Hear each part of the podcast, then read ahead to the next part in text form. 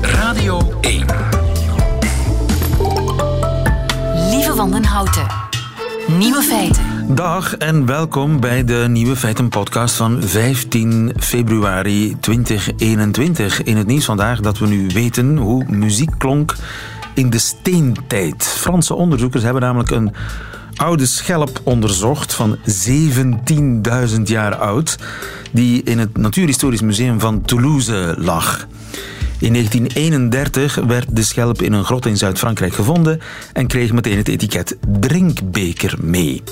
Maar na een recente 3D-scan bleek de schelp bewerkt om geluid mee te maken. Hoe zou dit 17.000 jaar oude instrument klinken? Wel, er was maar één manier om erachter te komen. Erop blazen.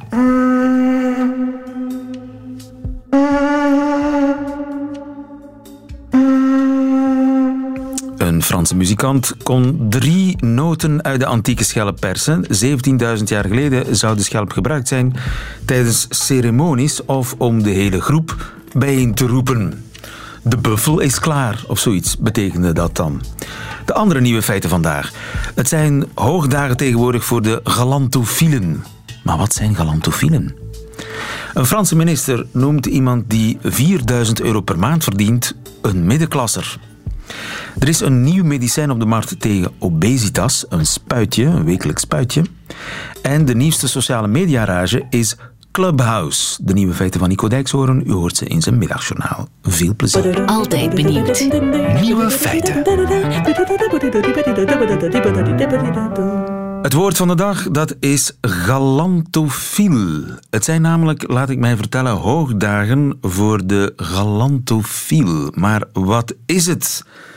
Cathy Portier, goedemiddag. Ja, goedemiddag. Of moet ik portier zeggen? Nee, portier is goed. Portier is goed. Cathy Portier, mag ik jou een galantofiel noemen? Ja, dat mag jij, dat mag jij doen, ja. Eh, Jij bent eh, uitbater van een eh, plantenkwekerij in Brugge, Ja, inderdaad. maar je bent ook galantofiel. Wat is een galantofiel? Een galantofiel is iemand die, die gek is, die verliefd is op sneeuwklokjes. Dus Latijnse naam van het sneeuwklokje dat wij allemaal kennen is galantus. En daarvan afgeleid, dus iemand die een beetje gek is op sneeuwklokjes, die gepassioneerd is door sneeuwklokjes, is een galantofiel. En hoeveel heb je er? Wij hebben er ongeveer 400 verschillende. 400. En dat is privé. Ik bedoel, dat is niet in, niet in jouw winkel, dat is in je privétuin. Dat is in de privétuin die wij eh, normaal, allee, als het geen corona is, openstellen voor het publiek. Dus dit jaar nu één keer niet, maar eh, dat is in de privétuin. Ja. Dat is een uit de hand gelopen hobby. Dus jouw tuin ziet nog altijd wit, zij het niet van de sneeuw. Inderdaad. Maar In februari ziet hij sowieso wit. Het zijn hoogdagen voor de galantofiel. Heeft dat gewoon te maken met het feit dat het februari is? Of heeft dat ook te maken met het feit dat er heel veel sneeuw is geweest? Nee, dat is vooral omdat het februari is. Er ligt eh, uiteraard niet altijd sneeuw in februari. hè. Ja. Dus maar onze tuin kleurt wit door de sneeuwklokjes. Juist, maar doordat er sneeuw lag, hebben natuurlijk heel veel mensen door de sneeuw gewandeld. En misschien hebben ze zonder het zelf te beseffen een kwetsbaar sneeuwklokje geraakt. Ja, dat zou kunnen. De sneeuwklokjes liggen neer eh, door de vorst en dus eh, de sneeuw erbovenop. Eh dus als op een wandelpad sneeuwklokjes staan, dan zou dat wel kunnen dat ze daarover gelopen hebben. En nu de sneeuw verdwijnt, de vorst verdwijnt, dus die sneeuwklokjes die richten zich massaal op. Die richten zich nu terug op, ja. En zijn ze nog altijd zo kwetsbaar? Ze zijn best wel sterk, maar het is eigenlijk vooral omdat ook de stengeltjes en, en de bladeren eigenlijk bevroren zijn, doordat we toch wel stevige vorst hadden. Dus eh, ze kunnen het wel hebben. En zelfs als erop getrap, getrapt wordt in bevroren toestand, dan is misschien de boven, allee, het bovenste plantgedeelte kapot, maar aan de bloembol is er eigenlijk niks. Dus Ja. dat Want er zijn mensen die hun, hun sneeuwklokjes beschermen, hè? Ja, inderdaad. Er zijn mensen die er een eh, glazen stolp boven zetten, dat het eh, sneeuwklokje in een mini-serre staat. En heeft dat zin om er een stolp over te zetten? Ja, dan ja, creëer je een eh, microklimaat. Ja, het heeft wel zin, maar Wij, wij persoonlijk doen dat eigenlijk niet. Want er zijn mensen die hun honden ook gebruiken als waakhond voor, eh, ter bescherming van de sneeuwklokjes. Ja, inderdaad. Dus eh, dat is vooral omdat bepaalde sneeuwklokjes nogal duur in aankoop zijn. Dus, ehm, En die worden gestolen. En ze worden gestolen, ja. Zijn, eh, in Engeland weten wij wel minstens twee gevallen. En hier ook in België bij mensen dat we kennen eigenlijk. eh, dus hele aparte nieuwe sneeuwklokjes die, die gestolen worden. En hoe duur is een sneeuwklokje?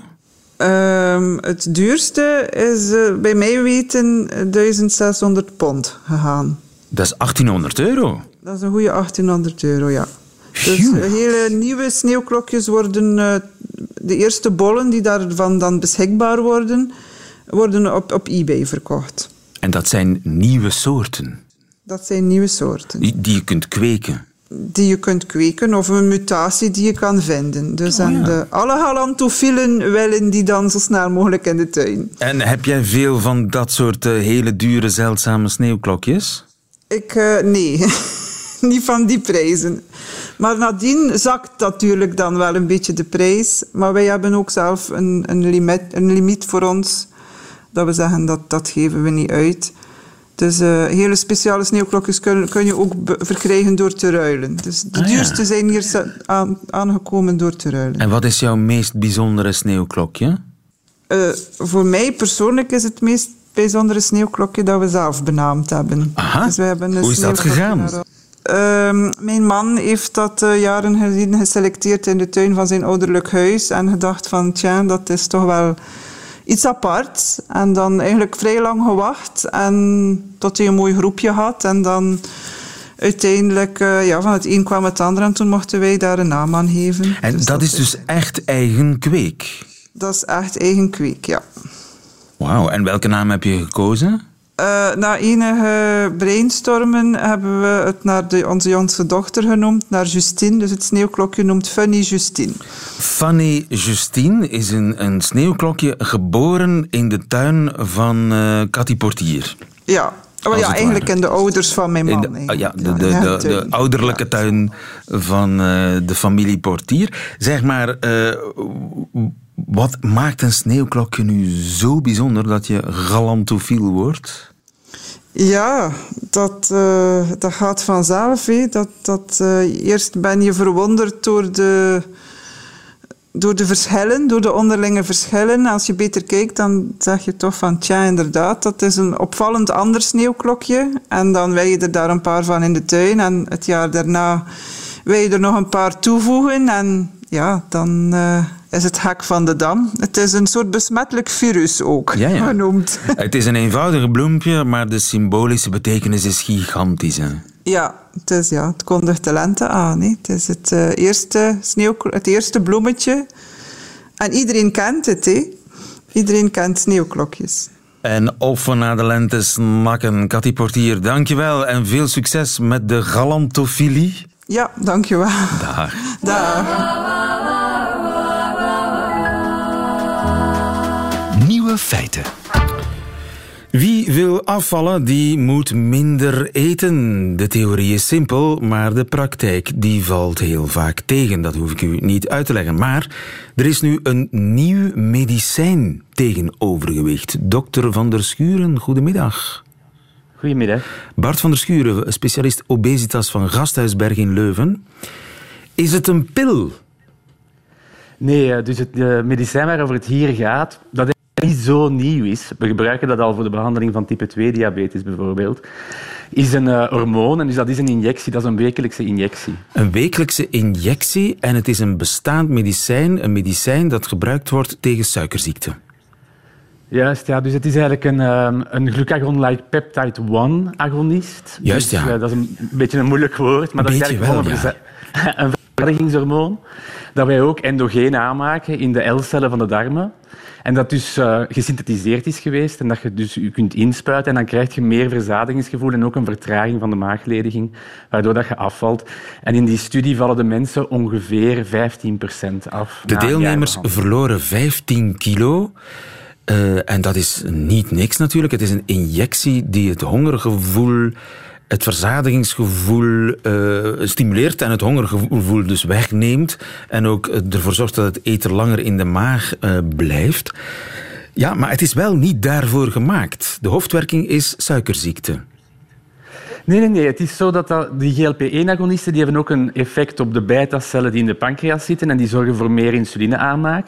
Dus in een lagere dosis wordt het gebruikt voor, de, voor het uh, behandelen van suikerziekte. En in een hogere dosis wordt het eigenlijk gebruikt voor het behandelen van overgewicht en obesitas. Maar ook mensen met suikerziekte hebben er ook alle belang aan om, om af te vallen. Hè. Dus bij type 2-diabetes, dat is eigenlijk een aandoening die geassocieerd is met overgewicht en obesitas. Dus daar is dat gewichtsverlies ook iets dat eigenlijk de ziekte makkelijker te behandelen maakt. Dus dat is eigenlijk al min of meer de hoofdwerking. Ik, ik wil maar zeggen, er, het kan geen kwaad als je geen suikerziekte hebt om dat middel dan toch in te spuiten. Nee, want je doet geen uh, te lage waarden. Dus je doet geen uh, hypoglycemies. Juist, dus ja. Ge ja, geen suikertekorten, omdat het suikerdependent werkt. Ja. Uh, u gebruikt heel veel Chinese woorden voor mij, maar ik, ik, nee, ik ga ervan uit dat het de suikerspiegel van het bloed niet in gevaar brengt. Nog in de ene, nog in de andere Juist, richting. Ja. Dus het ja. gaat enkel werken bij de hoge suikerspiegels. Als je het als niet-suikerzieke patiënt inspuit, gaat het je spiegels niet te laag duwen. Dat is wat ik probeer te zeggen. Ja. En is het dan een soort van alternatief voor een maagoperatie, dit uh, medicijn? Wel, een maagoperatie is, um, daar verliest je ongeveer 30% van je gewicht. Dus een maagoperatie is een goede optie voor mensen met echt zware vormen van obesitas. Dat wil zeggen BMI boven de 35, boven de 40. Uh, dit is eigenlijk vanaf een BMI van 27. Hè. Dus BMI berekent je door je aantal kilo's te delen door je lengte in het kwadraat. Dus dat ja. kan iedereen voor zich berekenen eigenlijk. Dus hier ga je geen dus 30 voor... van je lichaamsgewicht ja. verliezen, maar zeg maar 20, 18 procent. 15 procent. 15 procent, oké. Okay. Dus dat is eigenlijk voor, voor de minder zware gevallen in alle mogelijke meningen, betekenissen van ja, inderdaad, die in de letterlijke en figuurlijke betekenis. Maar het punt is wel dat uh, als je een chirurgie ondergaat, hè, zoals een bypass van de maag of een, of een dat is een blijvend iets. Hè. Een geneesmiddel, ja, hier in de studie gebruikt is het gedurende 56 weken. Een van de problemen van overgewicht en obesitas te behandelen met een geneesmiddel is dat als je het stopt, net als met een dieet, dat je neiging hebt om terug bij te komen. Dus uh, het behandelen van die chronische aandoening die obesitas is, met een geneesmiddel, dat is wel een zeer langdurige behandeling. Zoals dat je ook hoge bloeddruk langdurig moet behandelen, zoals dat je ook suikerziekte langdurig moet behandelen. Ja. En dat is een beetje waar het schoentje wringt. Dat is duur. Hè? Als het is ook duur. Levenslang, ja. Hoeveel kost zo'n inspuiting of, of zo'n behandeling per maand, zeg maar? Voor semaglutide is dat voor België nog niet gekend. Voor een gelijkaardig product uh, Saxenda, dat al op de markt is, is dat ongeveer 250 euro per maand. Jeetje. En daar is geen tussenkomst voor. Dus daar is, de, de overheid betaalt dat op dit moment nog niet terug. Dus dat is een, een hele dure zaak. 250 euro per maand. Niet allee, puur netto. Dat, is, dat zijn heel veel mensen kunnen Ja. dat niet betalen. Klopt, en toch uh, heeft bijvoorbeeld NICE um, besloten dat dat wel een uh, economisch voordeel heeft van bepaalde mensen met overgewicht te behandelen met dat product van 250 euro per maand. Omdat de kost van overgewicht en obesitas voor de samenleving ook zeer groot is. Denk maar aan al de ziektes die geassocieerd zijn met het hebben van overgewicht. Suikerziekte is er een van, maar ook hypertensie, slaapapnee. Dus uiteindelijk um, ja, moet men de keuze maken, wil men dat overgewicht behandelen, dan, ja, dan gaat er wel een prijs tegenover staan, maar men voorkomt wel het tal van complicaties van overgewicht. Dus het zou eigenlijk misschien zelfs een goede zaak zijn mocht de ziekteverzekering dat middel toch terugbetalen. Want dan bespaar je op andere terugbetalingen. Juist. Maar ik denk dat we wel goed moeten selecteren in welke populatie dat we terugbetalen. En het moet altijd ook bij mensen zijn die gemotiveerd zijn om iets aan hun levensstijl te doen. Als je puur spuit zonder iets te veranderen aan de manier van leven, dan gaat dat Ja. niet een langdurig goed effect hebben. Ja, want heel veel mensen zouden nu zeggen, mensen die de problematiek niet goed kennen, ja, ga gewoon op een dieet, hè. Dat is goedkoper. Ja, maar zo simpel is het niet. Dus uh, ik denk dat het uh, gaan we gewoon op een dieet. Dat hebben we nu al uh, tientallen jaren aan mensen verteld. En die obesitas-epidemie is enkel blijven toenemen. Dus het is duidelijk dat de behandeling van overgewicht en obesitas veel complexer is dan gewoon aan mensen te zeggen eet wat minder.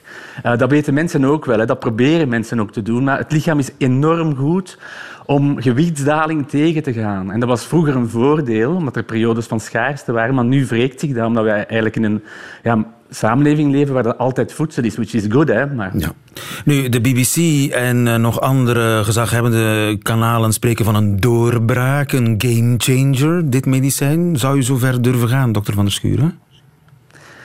Ik denk wel dat uh, na jaren eigenlijk van een beetje aanmodderen, hebben we, hebben heel weinig goede geneesmiddelen ter onze beschikking voor het behandelen van overgewicht en obesitas, dat 15% gewichtsverlies na een jaar, ja, ik denk wel dat dat eigenlijk toch wel een beetje een gamechanger is. Ook omdat we heel die hormonale soep hè, van hongerhormonen en verzadigingshormonen veel beter beginnen begrijpen, denk ik dat dat ook eigenlijk het begin is van iets. Dus dat we nog wel andere geneesmiddelen zullen krijgen en dergelijke meer die op dezelfde dingen inwerken en die ons gaan helpen om, om langzamerhand die obesitas-epidemie onder controle te krijgen. En dat is toch wel goed nieuws. Dokter Van der Schuren in Leuven voor ons, dankjewel. Goedemiddag. Nieuwe feiten. Coucou de France met Alex Visorek. De verschrikkelijke sneeuwman in uh, Parijs, Alex Visorek, onze spion in Parijs, uh, mijn collega bij de Franse radio en onze landgenoot Alex Visorek. Goedemiddag, Alex. Ja, goedemiddag. Wat een presentatie, lieve. Ja. Ik zal direct beginnen vandaag met een moeilijke vraag. Oei. Hoeveel moet je verdienen om rijk te zijn? Uh, geen Jij flauw idee. Uh, ik, meer dan ik, denk ik, Alex. Meer dan ik. Dat is een goed antwoord. Maar de vraag was niet voor u. Het was uh, verleden week voor François Bayrou, uh, een belangrijke politicus van een Franse centrumpartij. Maar zijn antwoord leidde wel tot wat debat. À partir de combien est-on riche ben, Ça dépend si on parle du patrimoine, de... de y a François Hollande avait dit c'est 4 000 euros par mois. Pardon François Hollande avait dit en son temps c'est 4 000 euros par mois. 4 000 euros par mois, pour moi, c'est classe moyenne. Oké, okay. 4000 euro per maand, dat is uh, niet rijk, dat is middenklasse voor de ministers. Voilà, dat zegt hij, een uitspraak die veel Fransen choqueerde. Nog maar eens bewijst, vinden ze, dat de elite geen voeling heeft met de realiteit. En ik zeg nog een bewijs. Want als het gaat om het dagelijkse leven van de gewone Fransen, is het niet de eerste keer dat politici de bal misslaan. Hier hoor je Nathalie Kosciusko-Morizet, een tiental jaar geleden, die op dat moment zowel woordvoerster van Nicolas Sarkozy was als minister van Transport. Vous, la porte-parole du candidat du peuple, pouvez-vous nous dire combien coûte un ticket de métro Euh, 4 euro et quelques 1,70 euro. Oes. 4 euro en een beetje voor een ja. metroticket, dacht deze woordvoerster van Nicolas Sarkozy. Nou. En het goede prijs was 1,70 euro, dus we zijn er ver van. Een andere bekende uitspraak komt van de toenmalige kandidaat-voorzitter van de rechtse partij, Les Républicains, Jean-François Copé. Combien coûte un pain au chocolat? Oh, Je n'ai donné, donné, aucune idée aucune de combien idée. coûte un pain au chocolat. Mais, mais combien? Ah, ça débat avec ça Julie. Dépend, ça dépend des, des ça dépend globalement, évidemment. globalement. Ça dépend des, des tailles. Non, écoutez, ça dépend des tailles. Je pense que ça doit être aux alentours de, de, de 10 ou 15 centimes d'euros, peut-être. Non, oh non, non, non, c'est non, plus non, que ça. Oh là. Ja, 10 of 15 cent voor een chocoladebroodje. Ja, en hier is het, anders. Het is veel minder. Dat de uh, realiteit, uh, 1,20 euro is het in Frankrijk. Uh, een beetje onderschat dus. maar wat doe je dan als je beseft dat je er volledig naast zat? Je kan eerst proberen je te verdedigen. Écoutez, je vous avoue que je vais pas les, je vais pas les, les, les, les, les je vais pas en acheter très souvent parce que, euh, comme vous pouvez l'imaginer, il faut faire un peu attention. C'est un peu calorique. Ja, ik koop dat niet, chocoladebroodjes, want daar zitten veel te veel calorieën in. Hmm. Ja, goede excuus. Het was dus geen kwestie van tekort aan realiteitsbesef, maar eerder aandacht voor de Nutri-score. Maar overtuigend was dat ook niet. En te laat, de schande was al uh, gescheid. Je ziet hier... De schade was al geschied. Geschied, Alex, niet de schade was al geschied. Oké, okay. Alex bedoelt, de schade was al geschied. De schande was al en... geschied vind ik overigens niet slecht hoor, als, uh, als uitdrukking. Ik hou hem.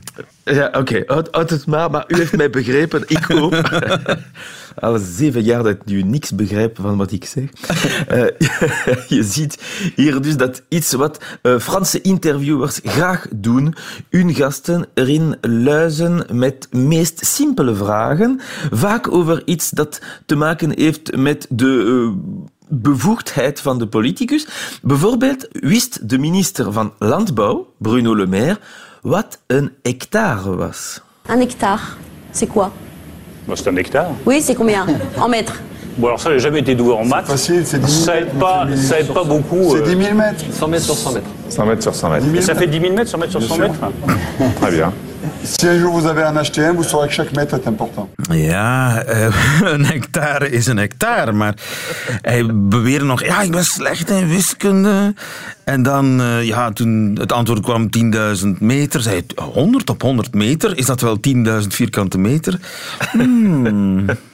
Als je één dag moet eh, een hectare kopen, dan zul je wel weten hoeveel dat kost, zegt eh cet agriculteur.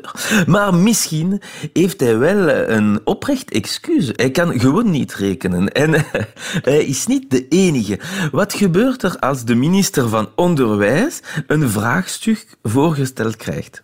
10 objets identiques coûtent 22 euros. Combien coûte 15 de ces objets C'est la question posée dans le cahier d'évaluation des élèves de Eh CM2. bien, Moi, ça je- fait euh, euh, 16,50.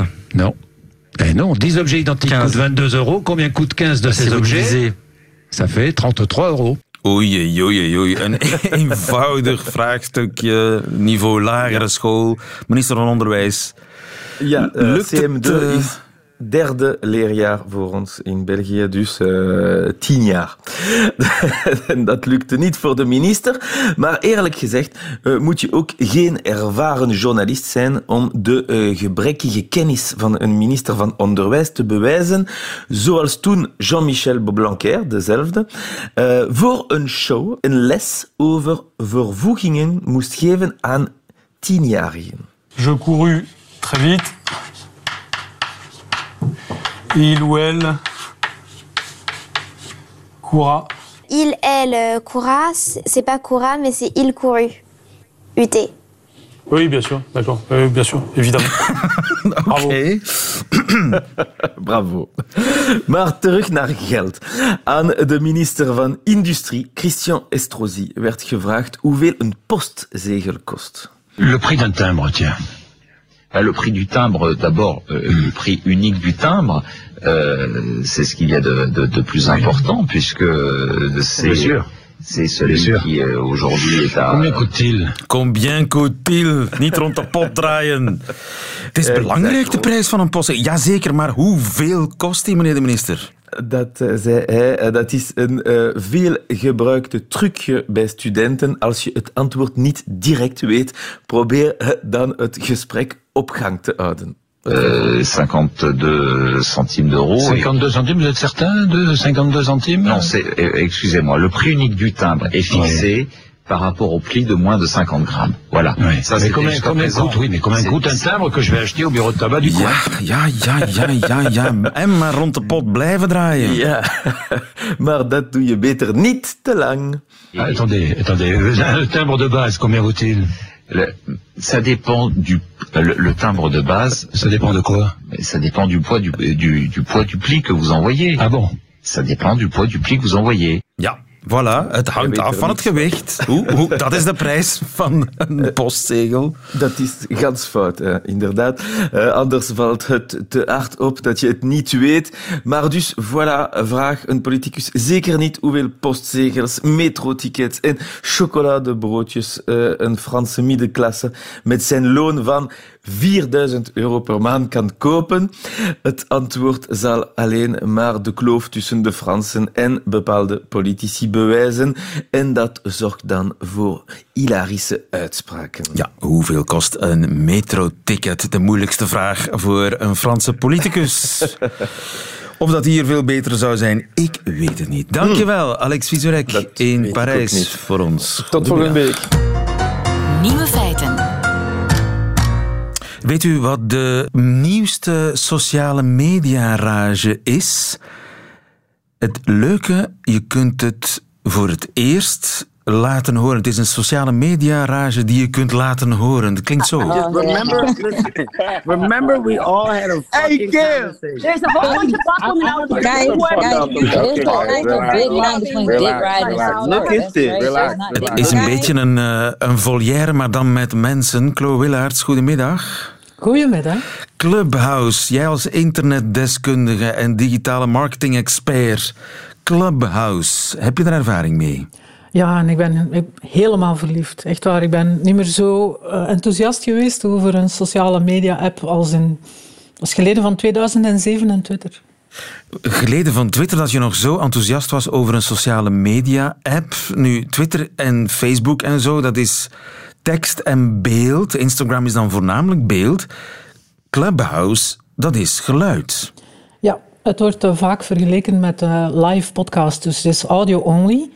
Eh, en het is live. En het, eh, Live podcast, dat is eigenlijk radio, hè, Chloe? Wel, Clubhouse doet me ook wel aan, aan radio, aan talkradio denken, heel fel. Dat is een beetje de sfeer. Hè? Er worden rooms georganiseerd door, door moderators, door presentators eigenlijk. En eh, dan kan je daaraan gaan deelnemen. En als je geluk hebt, dan kan af en toe de micro aan jou worden doorgegeven. En dan, Dus het Ja. is een soort interactieve talkradio, praatradio, Ja, maar- waarbij je kunt reageren. Ja, het, het klinkt nog altijd een beetje als kleinschalige radio. Het kan heel grootschalig worden. Hè. Er, kan, eh, maximaal 5000, er kunnen maximaal 5000 luisteraars in een room zitten, maar als Elon Musk of Mark Zuckerberg aan het woord zijn, dan is dat al snel eh, te, te weinig. Hè. Ja, en, de- en wat dan? Dan worden er overflow rooms georganiseerd, maar je merkt ook wel op zo'n momenten dat, dat Clubhouse nog heel jong is. Hè. De app bestaat nog maar een jaar. En, en ze hebben nog wat groeipijnen. Eh, er is bijvoorbeeld nog altijd geen versie voor Android-telefoons. Oh ja, dus je moet een iPhone hebben. Ja, het is ook invite-only. Dus eh ik kan eh, pas deelnemen als iemand die er al in zit in de club hè, jou heeft uitgenodigd. Oeh, het is exclusief. En waar, waarvoor is dat? Dat is, dat is typisch voor jonge start-ups eh, uit Silicon Valley. Hè. Dat, eh, Gmail is bijvoorbeeld ook zo begonnen. Je kon alleen een e-mailadres daar aanmaken als je werd uitgenodigd. Het is een manier om te groeien. Het is ook een vorm van marketing. We zijn ook nog altijd in, in beta. Er is nog altijd geen businessmodel. Eh, en dus ook nog een beetje het Wilde Westen hè, op veel vlakken. Omdat het zo moeilijk is, zijn mensen geneigd om het te willen. Ja, Zoiets. dat is die, die, die fear of missing out. Ehm, de, de app, als je de alerts, de notifications allemaal hebt aanstaan, eh, dan krijg je van die alerts zoals eh, ja, een, een- iemand die je kent eh, van vroeger is nu in een room aan het praten met nog iemand die je misschien kent. En dan denk je, ja, daar moet ik bij zijn, want als je niet onmiddellijk mee in die room gaat zitten, heb je geen idee wat daar wordt besproken. En jij krijgt van die alerts nu, nu je Je kan Clubhouse die aan of uitzetten. Ah, ja. Ehm, je, je kan bepaalde onderwerpen volgen, bepaalde thema's. Ik ben nu bijvoorbeeld heel fel alles rond meditatie aan het volgen. Ik heb daar daarnet nog een, een stille meditatie eh, gevo- gevolgd met eh, een stuk of 150 mensen van letterlijk over de hele wereld. En dus klonk het heel erg stil in de Clubhouse. Ja, met 150 vreemden Stil zijn. Ja, En kun je dan de ademhaling horen van je, je Clubhouse-leden? Ja, van de ene organisator wel. Eh, maar dat was heel, heel subtiel. was net genoeg eh, om te beseffen dat je daar niet als enige als een idioot op je matje in Juist, de... ja. Dus dat, is- dat is degene die de meditatie leidt.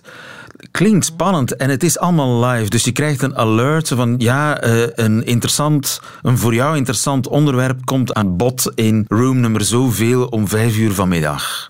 Zoiets. En als je zelf ook wil deelnemen, kan je je hand opsteken. Als het niet je ding is, en dat vind ik een geniale Deelnemen, ik bedoel, als je zelf iets wil zeggen. Ja, Ja, ja. je hand opsteken en eh, dan krijg je de micro. Maar als je denkt, goh, het is eigenlijk niet mijn ding, dan kan je op de knop Leave Quietly drukken. Dat vind ik ook mooi verwoord. Eh, stilletjes ervan ondermuizen. Ik wou dat dat in Door het raam naar buiten glippen, als het ware. Ja, ja, en eh, de rest heeft daar geen last van. Maar dus wat doe je? Je mediteert. Wat kun je nog allemaal doen? Er zijn ook, eh, het is ook een, een, een buitenkans om, om Elon Musk en Mark Zuckerberg. eh, Mark Zuckerberg heeft vorige week bijvoorbeeld over zijn visie op eh, artificiële intelligentie gepraat. Dat is, ja, er is geen enkel ander medium waar je de illusie hebt om zo dicht bij iemand met een, ja, een bepaald interessant gedachtegoed te zitten. Hè. Ehm, En dat is dan op een adres- bepaald moment dat je dan inpikt. Ja, inderdaad. Je, je komt er middenin. Maar meestal uh, heb je heel snel door of de room iets voor jou is of niet. En dan soms blijf ik uh, hangen tot op het einde. Ja. En heb je geprobeerd om een vraag te stellen aan Zuckerberg? Uh, nee, nee, nee. Dat was ook weer zo een van die enorm gegeerde... Als je al bekend bent en je gaat op Clubhouse zitten... Ja, heel veel mensen die, die willen er dan bij zijn en dan ga je heel snel viraal. Hè. Als je minder, uh, nog niet zo'n grote aanhang hebt, dan, dan is het eigenlijk leuker om gewoon binnen te wippen in allerlei dingen die al aan de gang zijn. Ja. Uh, er, er, zijn ook interessante uh, ja, Belgen, Belgen die ook van alles aan het, aan het organiseren zijn. Ik weet niet of je Fredo de Smet kent. Um, ik ken hem van zijn boek over robots. En die is deze week, bij wijze van experiment, elke dag, vandaag dus ook om vijf uur, uh, organiseert hij ja, een, een club, een, een, gesprek over de toekomst van de stad na corona, dat soort onderwerpen. Heel interessant. Oké, okay, en dan lanceert hij een gedachte en dan vraagt hij of er mensen zijn die daar commentaar op hebben en, en zo ontstaat er een, een soort van groepsgesprek. Ja, inderdaad. Het allemaal heel serieus. Is het ook gewoon party? Soms? Gewoon lullen? Ja, absoluut. Ja, er zijn ook uh, dating rooms. Oh. Uh, ja, ja, ja. En het voordeel is natuurlijk, want er zijn ook dating apps, um, maar het gaat echt om de inhoud en je kan het ook niet faken. Je kan een, een flatterend filtertje zetten over je profielfoto uh, op, op uh, Instagram en zo. Een filter voor je stem bestaat nog niet. Wie weet, dat komt misschien nog. Ja, maar het lijkt me toch geen goed idee om een Donald Duck filter over je stem te zetten als je wil gaan daten. Is er veel controle? Want voor je het weet zit je in een heel racistische uh, room. Nee? Ja, de regels uh, zijn heel duidelijk. Hè. Um, en, en dat is dan het voordeel van wat later te komen als sociaal media netwerk. Je weet wat er fout kan gaan. En je kan, als je in zo'n room zit, melden als ongepast. En dan wordt de moderator verantwoordelijk gesteld ook. En wordt vanaf dan het gesprek ook opgenomen door Clubhouse voor het geval dat er een gerechtelijk onderzoek van zou komen. En allerlei ja, polariserende complottheoriekamers waar mensen elkaar zitten op te jutten. Bestaat dat ook? En kun je daar dan als ja, eigenaar, zeg maar, als platform kun je daarop ingrijpen. Tekst is natuurlijk makkelijker. Je kunt er computers doorheen laten scannen en dan zie je, heb je meer controle, denk ik, nee? Ja, we mogen nooit aan een, een, een bedrijf vragen om, om te controleren. Maar dit is de reden wat je net vertelt, dat uh, Clubhouse al onmiddellijk geband werd in China. Want mensen hadden het daarover Bijvoorbeeld hoe de Oeigoer-minderheid werd behandeld door de Chinese overheid. En, en, de Chinese overheid heeft direct Clubhouse geband in heel het land. En ondertussen, kwestie van tijd, komt er een Chinese Clubhouse-variant die waarschijnlijk wel wordt beluisterd door de overheid. Is uh, om aan eh, censuur te ontsnappen natuurlijk uh, zeer handig.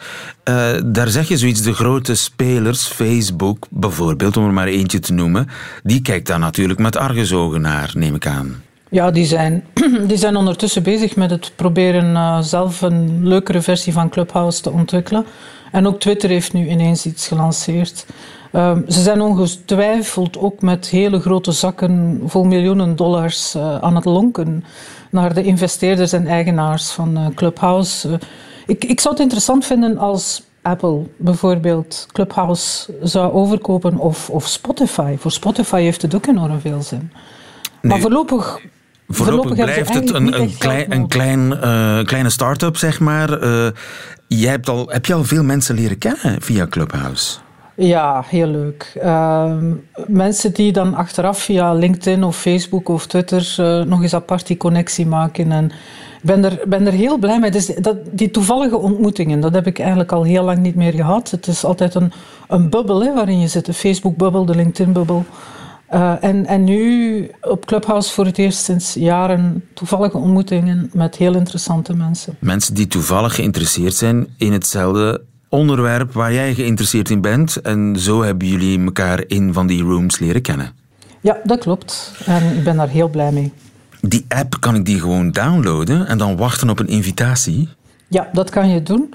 En als je op dat moment ook... Een privacywaakhonden worden daar heel zenuwachtig van. Maar als je het koppelt aan je adresboek dan kunnen mensen die in jouw adresboek zitten en die er al op zitten, kunnen die uh, zien van ja, die of die probeert binnen te komen, laat jij die binnen. En uh, zo heb ik al heel veel mensen binnengelaten. Ja. Wat ga je nog doen op uh, Clubhouse vandaag? Ah, ik steek die dingen in mijn agenda. Dus ik ga ehm, straks om vijf uur organiseert Fredo de Smet een, een soort panelgesprek en dat heet The Change na de keynote. Dus stel dat je een inspirerende keynote hebt gegeven, hoe verander je echt de organisatie? En daar ga ik zelf ook bij zijn. Ja, oké. Okay. En zijn er ook gewoon praatbarakken? Gewoon lekker kletsen gezellig? Dat bestaat ook? Ja, ik zie voor het eerst ook dat er gemengd Vlaams-Nederlandse uh, clubhouse-sessies zijn. Uh, ik heb er nu hier eentje straks om een uur. Inspirerend spreken op Clubhouse, drie essentiële tips. Nou, Boeiend. Uh, radio als sociale media, als het ware. Clubhouse. Uh, Chloe Willaerts, dankjewel. Goedemiddag. Nieuwe feiten. Dat waren ze, de nieuwe feiten van 15 februari. Alleen nog die van Nico Dijkshoorn krijgt u in zijn middagjournaal. Nieuwe feiten. Middagjournaal. Beste luisteraars.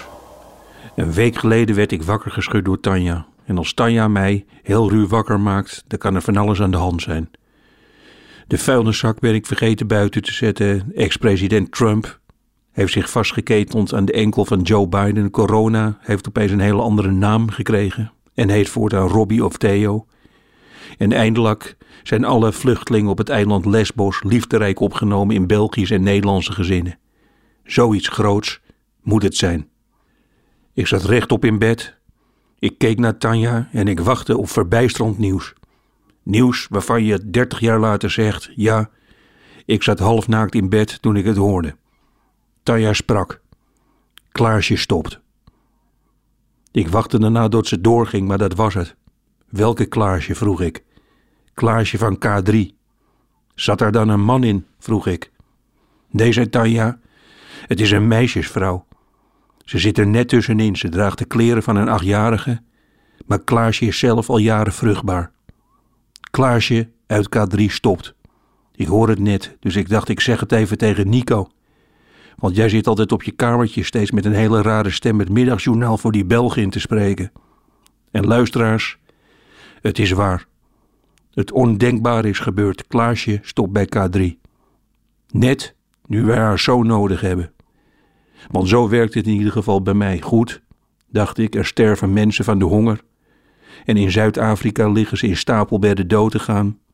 En honderdduizend restauranthouders zijn veroordeeld tot de bedelstaf. Maar dan wist ik altijd, Klaasje zingt met K3 over een dingy-dangy-boom met bladeren van suikergoed. Of dat hun lievelingshondje Rakker heet. En dat dat hondje dan allemaal leuke hondendingen doet. Nou ja, dat moet u zelf maar gaan luisteren. Maar dan kon je er weer even tegen. Ik keek naar de persconferentie waarin die lange man van die schreeuwende hond het aankondigde alsof de zwarte builenpest over België waaide. En daarna legde Klaasje uit dat ze een nieuwe invulling aan haar leven wilde gaan geven. Ja, en ik dan, riep ik. Wat moest ik dan? Klaasje gaf namelijk invulling aan mijn leven. Wat er ook gebeurde, ik wist Klaasje die staat nu hele rare laarsjes van goud aan te doen en daarna zingt ze over een eenhoorn. Wat kan me gebeuren? Als ik bij een stoplicht stond, dacht ik hoe Klaasje daar dan over zou zingen. Stout, stout stoplicht, spring toch eens op groen. En dan maakte ze een sprongetje, een heel lief Klaasje sprongetje. Luisteraars, dat is allemaal over nu, want ze wil een eigen leven. We moeten het vanaf nu helemaal alleen doen.